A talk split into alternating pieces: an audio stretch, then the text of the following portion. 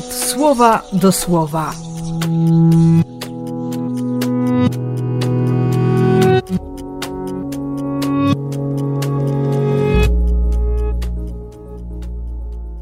Dziewiąty lutego, czwartek.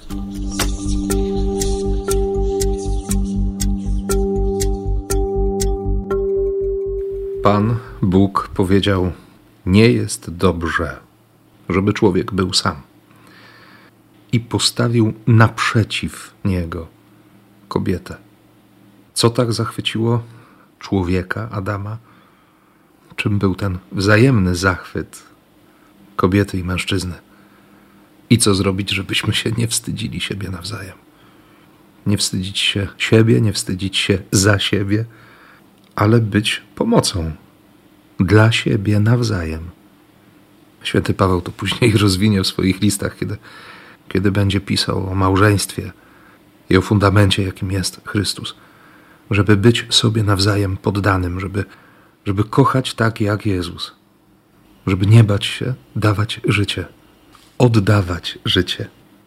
Ci pierwsi, których przedstawia ta pieśń o stworzeniu świata, wiedzą, że są dla siebie pomocą, że mają w sobie Boże życie i że nie muszą się za siebie wstydzić, ani przed sobą nie muszą się wstydzić. Może dlatego też z uporem maniaka dzisiaj ta kobieta, Fenicjanka mieszkająca w Syrii, w całym swoim szale i zdeterminowaniu po prostu wiedziała, że, że nie może odejść od Jezusa. Niektórzy ojcowie Kościoła mówią, że była gotowa wziąć to wszystko, z czego zrezygnowali pobratymcy Jezusa.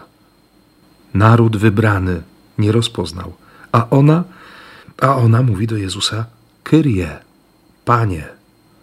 Nie wiadomo, czy się odezwała po grecku, czy, czy po aramejsku, choć raczej jej pochodzenie wskazywałoby na, na używanie języka greckiego. Świadomie czy nieświadomie, ale nazwała Jezusa tytułem, który należał się Bogu, a on wydawał się niezainteresowany. Nie dlatego, że, że Bóg nie chce dobra dla nas. Nie? On chciał, żeby przeszła drogę wiary, żeby nie zrezygnowała, nie uciekła, nie odeszła z niczym. Zresztą dopiero po powrocie do domu zobaczyła, że jej dziecko zostało uwolnione od demona. Trzeba było ogromnej determinacji i wytrwałości, żeby iść za Jezusem, a potem trzeba było odwagi, wiary, żeby wziąć słowo i wrócić do domu.